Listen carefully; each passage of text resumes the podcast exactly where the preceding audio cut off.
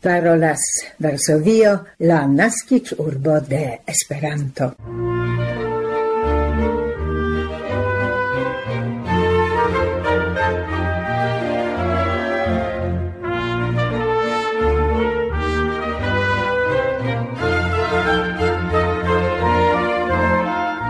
Koran bonvenon gesignoroi, en la 1295 Esperanto elsendo de la Pola Retradio el la dec quina de januaro 2024. Hodiau comence ni presentas cultur cronicain informoin interalie pri tre successa 2023 por Vavel Castello en Krakovo cae pri la finiginta unuetapo de la proiecto realigata en Uainzut, la historio de la malnova castello forgesita heredajo.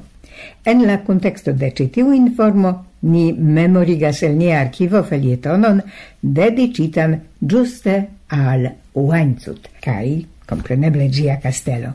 En nea hodiaŭ elsendo trovigas ancau Esperanto-komunumaj informoi, cae por la tutel sendo core invitas vin Barbara Pietrzak, Milada Švedo, Maciej Jaskot cae voce contribuanta Rizzo Giacometto. Komence bonvolu aŭskulti kultur kronikajn informojn.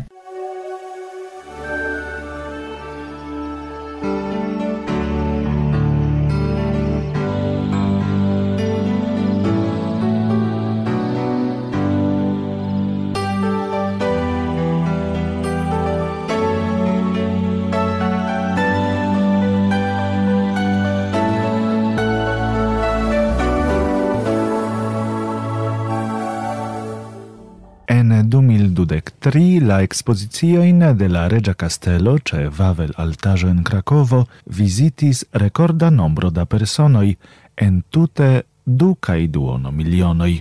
Por ili estis organizitai dexes expozizioi, el ciui dec en Vavel Castello mem – La Cracova in expozizioin rigardis du como tri milionoi da personoi, la ceterai visitis ses pliain expozizioin en la museai filioi en la locoi Piescovascaua kai Stryszów.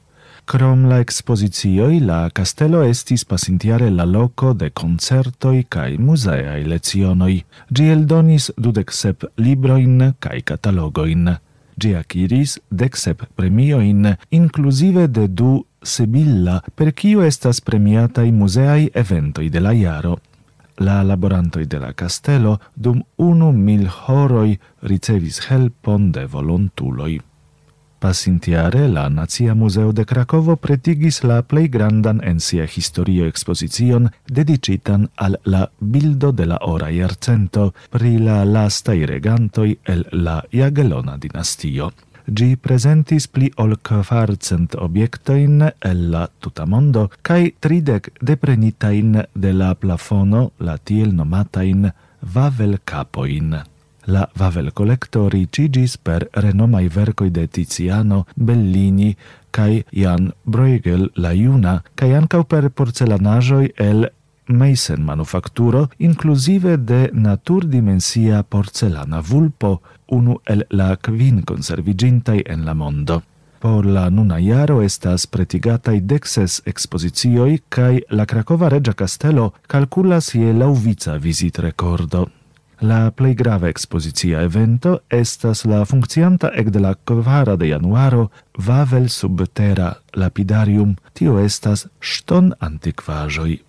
Citiu constanta konstanta vizit itinero rakontas pri la creigio de la reĝa resideio kaj historio de ĝia konservado.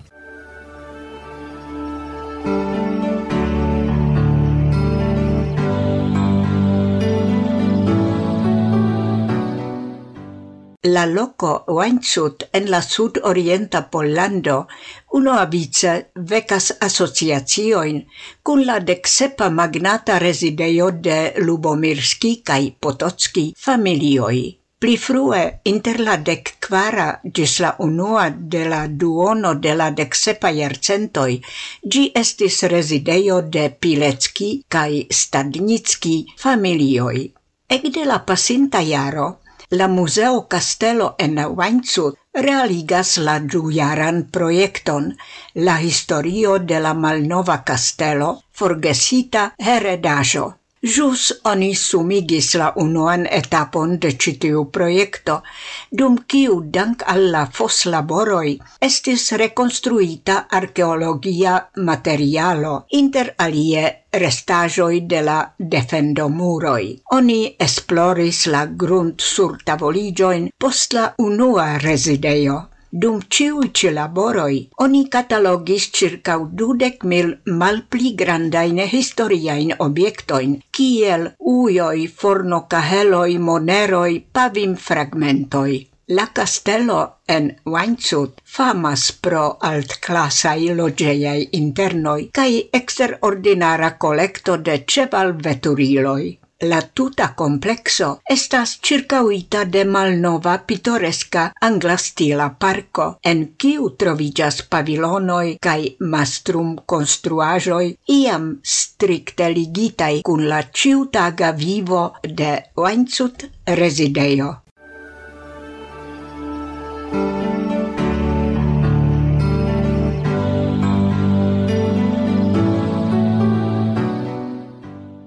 inter la dec quina de januaro cae la dudec quina de februaro pli ol ogdec institucioi, museoi cae artai, esplorai cae filmai institucioi pretigis specialan culturan oferton por la feriantai infanoi cae geiunuloi. En gi trovigas plasticae, danzai, teatrai, historiai, texistai, calligrafiai cae fotoartai labor rencontoi. Crome en la oferto adresita al la ferianta infanoi cae geiunuloi trovigas plurmediai exposizioi, variai temai occupoi, filme presentoi, teatrai spectacloi, ludoi cae educai animazioi, concertoi. La detaloin de citiu ricia culturoferto presentas la retpagio de la Pola Culturministerio.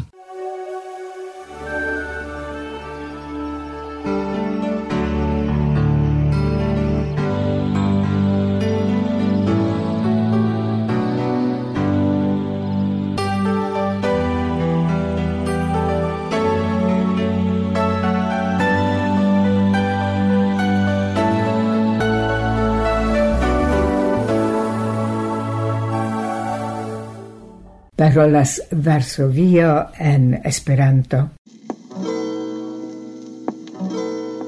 Kvazaŭ sonĝe trenadas la charon spireganta grimpante ĉeval, kaj malĝoje rigardas kamparon, maligna cruzo cerrando de val. Iam venta sur stevo moldava um resona sub hofoj later iam placas al coro cigana nur vagadi plena liber. E la fairo la ligno ec naras circa flugas hirundoj kun lert. Cae treniĝa canzono jen klaras obtusas ce corda concert. Ciam ventas sur stepo moldava Dum resonas sub hufoi later Ciam placas al coro cigana Nur vagadi en plena libertad. Hodiau en nia elsendo cantis Oliver Zo sur stepo Moldava. Cai tiu ci canzono devenas de vinila disco, cio cetere sentigis en citiu son registrajo. Parolas Esperanto Radio, Varsovio.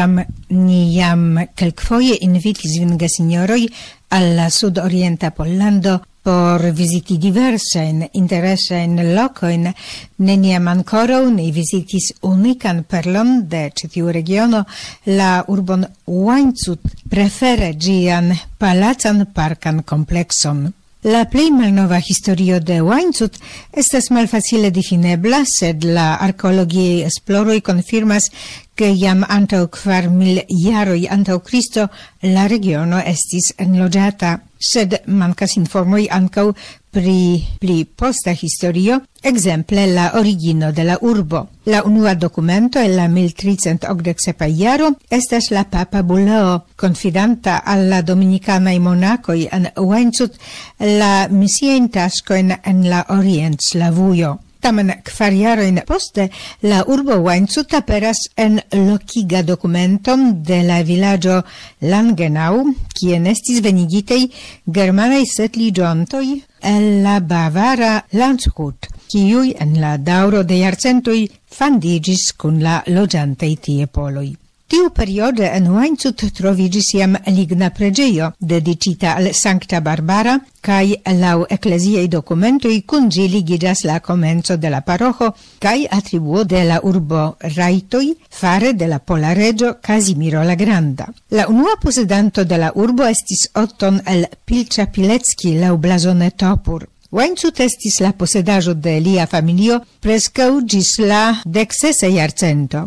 Poste gi estis passanta pro la familiei ligoi la manoi de unu alla alia polai magnatei familioi. Cun la historio de la urbo firme ligiras la nomoi de tiei polei gran signoroi kiel Stadnicki, Lubomirski kai Potocki. En la periodo de siei unuei posedantoi, la familio Pilecki, Wencut, situante ce grava comerce itinero floris. Iam en la 1406 jaro la tiai texistai gilda aspirantoi ricevis statuton, kies sigelo presenta Sanctan Michaelon pereiganta la dracon. Gis hodiau tiu bildo troviras en la urbo blazono. La prestigion de Wencut altigadis, kei prigi attestis, plur foiei visitoi de regioi cae altranguloi, kiel la regioi Casimiro la Granda, Vladislavo Jagello, Sigismundo la Luxemburga, Sigismundo la Maliuna. Pro sia situo la urbo spertis tempestetan historion,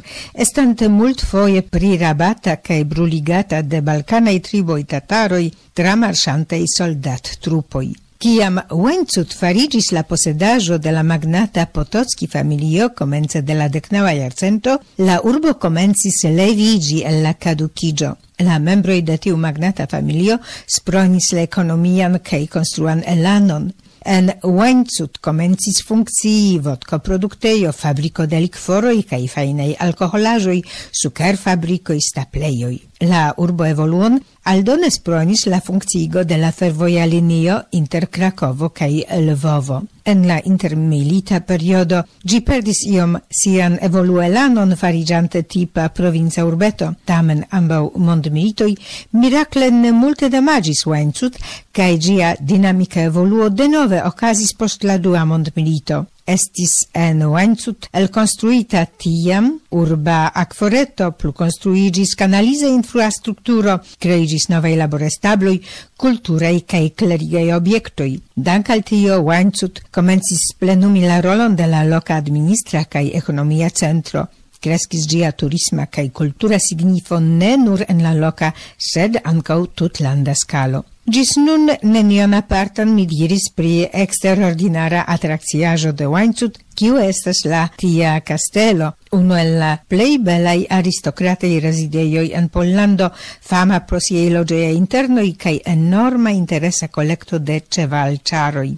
La palazza complexo estas circauita per malnova angla stila parco, en kiu multas pavilonoi kaj mastrum konstruaĵoj ligitaj kun la iama ĉiutaga vivo de la rezidejo. La nuna castello estis construita laŭ la komisio de Stanisław Lubomirski en la mezo de la dexepa jarcento. Temis pri la moda tiam palaca forticajo konsistanta la magnata risdeio kun bastionei turoj angule de la defendo muro. En la dua duono de la decoca iarcento la lauvica posedantino de Wajncut, Izabela Lubomirska, familie Czartoryska, transformis la fortreson en palacan parkan complexon. La pli gravei ŝanĝoj concernis la aranjon kaj ekipon de la castello, kiui estis adaptitei al la tiam modo. La palacon plengis multegei artverkoj, Fine de la decoca iarcento en la residejo de Weinzut floris vivo musica cae teatra, multis el starei gastoi. Post calciara mal pli favora periodo, ciam la posedantoi neofte gastis en la palazzo, Gi varigis la posedajo de lauvica familiano Roman Potocki. Li, con sia edzino Elizabeta, familie radziviu, revenigis al gi iaman brilon. Oni ne sole rekonstruis, sed ancau ali konstruis gin, kaj tiui renovigei laboroi ocasis ciu etage. Krome oni instalis en la palazzo la aquaprovisain arrangiajoin, la canalizan sistemon, al la palazzo estis alkondukita electro. Tiam creigis la plimulto de la hodiau hodiaŭ funkciantaj internoj. Denove la Palazza Parca Complexo de Łańcut acquiris la renomon de uno el la plei luxei resideioi de la continente Europo. Ofte gastis en G. Archi Prinzo, Rudolf cae Francisco Ferdinando. Ofte gastis tie representantoi de fremdei aristocratei familioi cae conatei diplomatoi. Comence de la dudeca jarcento la resideio en Weinzut occupis la usia grandezzo, la kvinan locon en Pollando. En la dudeca iaroi de la dudeca jarcento oni modernigis la centran heitadon, kaj en la subtereio arrangis baneion. Fine de la milito en la 1944 jaro Potocki devis forlasi Łęcut kaj elmigris al Svislando. La regimai transformigioi malebligis lian revenon kai li mortis en elmigreio. Tiel dirite, presca ne damagita dum la milita gadoi la palazza complexo, la palacai internoi de Wainzut calculiras alla plei belai en Pollando. La plei malnovai internoi devenas al la quardecai jaroi de la dexese arcento, quancam evidente ne en la origina formo. Relative mult nombrei estas salonoi el la decoca iarcento, sed la plei representei creigis circa la 1800 jaro, lime de la decnaua cae dudeca iarcentoi estis arrangitei multei interesei internoi, el ciui pli multo conservigis gis hodiau, alla plei interesei appartenas biblioteco, angula salonego, mangeio super la pordo, cae multei ban chambrui. La internoi casas plurain artvercoin en la iamei collectoi, la postmilitain acirajoin cae deponajoin el aliei museoi. La plei malnovai consistigas parton de collecto creata de princino Lubomirska kaj en łańcut aperis en la dua duono de la decoca jarcento. Temis same pri la comun usei, kiel ancau ornamei objektoj. La plei valorei perloi el tiu collecto troviras nun en la art galerio de la antiqua arto en la Varsovia Nazia Muzeo. La cadro de nia felietono estas nesufiĉa por priskribi ĉiujn vidindaĵojn de Weinzut. Krom la collectoi de la pentroarto cae grafico, mebloi, musicae instrumentoi, argentajoi, porcelanajoi, vitroelfarajoi, texajoi, ja mensindei estas staloi, en ciui estas rice expoziciitei obiectoi, ligitei cun la ceval raidado, cae crome dua parte collectoi de ceval veturiloi.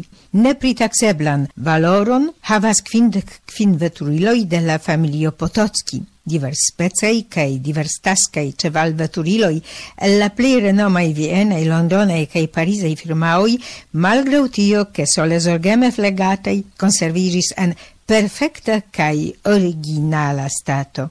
Mencinde estas la riĉa collecto de la ortodoxa arto, la plei riĉa in Pollando, el quiu parto estis transdonita por la practicado de la religia culto. Mencinda estas orangerio, cae la plei nova orchidea pavilono, consistanta el la expozizia segmento cultiveio cae somera cafeio. Quancam relative nova gi enhavas plantoin devenantain en la antaumilita collecto de Potocki familio. Ne eblas mencii cion, exemple la bibliotecon con giai unicai exponajui. Circa la palazzo etendigas la anglastila panorama parco. Gia nuna formo signifa parte devenas el la limo de la decoca cae decnava iarcentoi, ciam gi estis posedajo de princoi Stanisław kaj Izabela Lubomirski.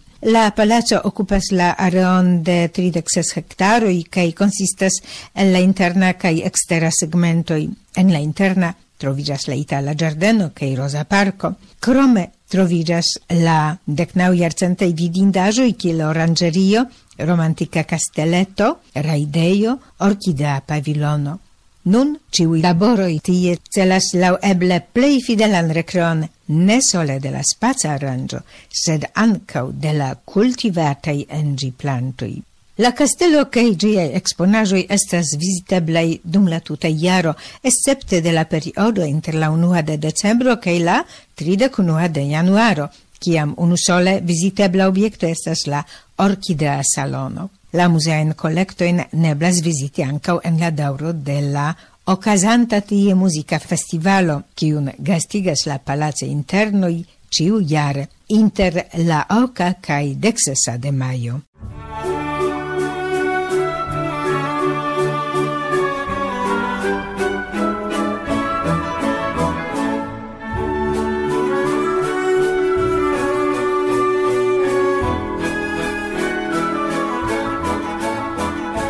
parolas Varsovio, la naskic urbo de Esperanto.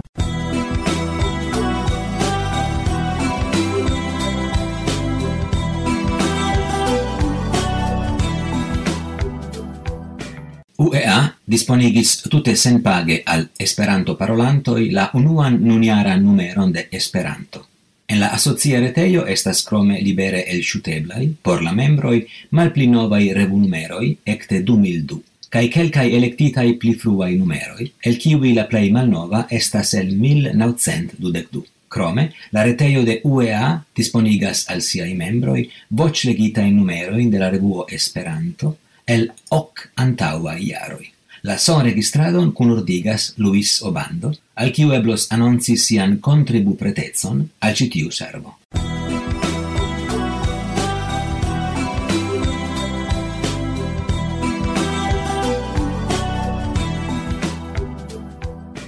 Ce ilei delonge funccias scienza comitato, consistanta el conatai esperantistoi plei parte laborantai en universitatoi. En octobro 2010 ec funcciis crome laborgrupo por cunordigi cae accedi la instruadon de Esperanto cae de interlinguistico en universitatoi. Gi funccias ret poste, considas per la programo Zoom, unu foion monate kaj komunikas siajn planojn resulto in al ciui interesiĝantaj individuoi kai organizajoi.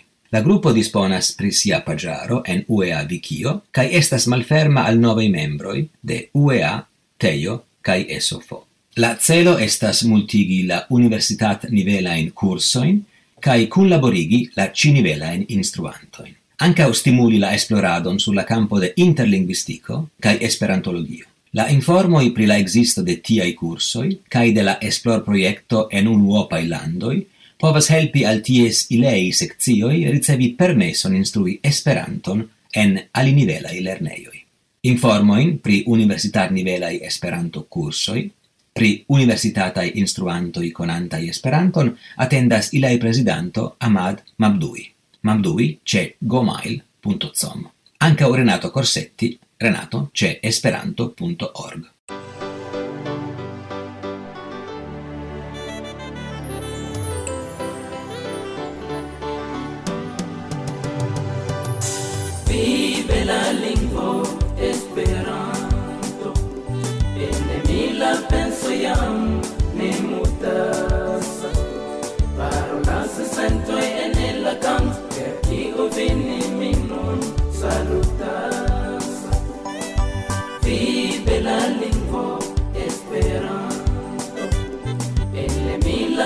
soyam ne mutasa. Parolanza santoi ene la con per chi ovini minon salutas hoki e estas vi alam demandase homoi la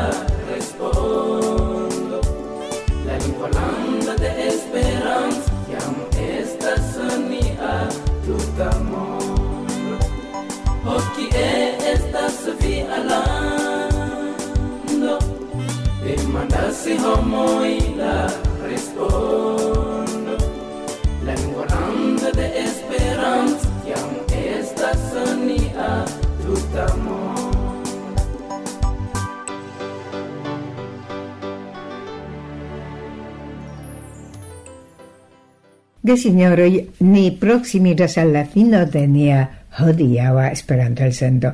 Adiaŭante vin nun, niam invitas por la sekva radiorenkontiĝo. Gioigos nin viei rimarcoi cae commentoi. Ne malhabebla estas via sponsora helpo por nia plu existo. Anticipan dankon cae gis la raudo.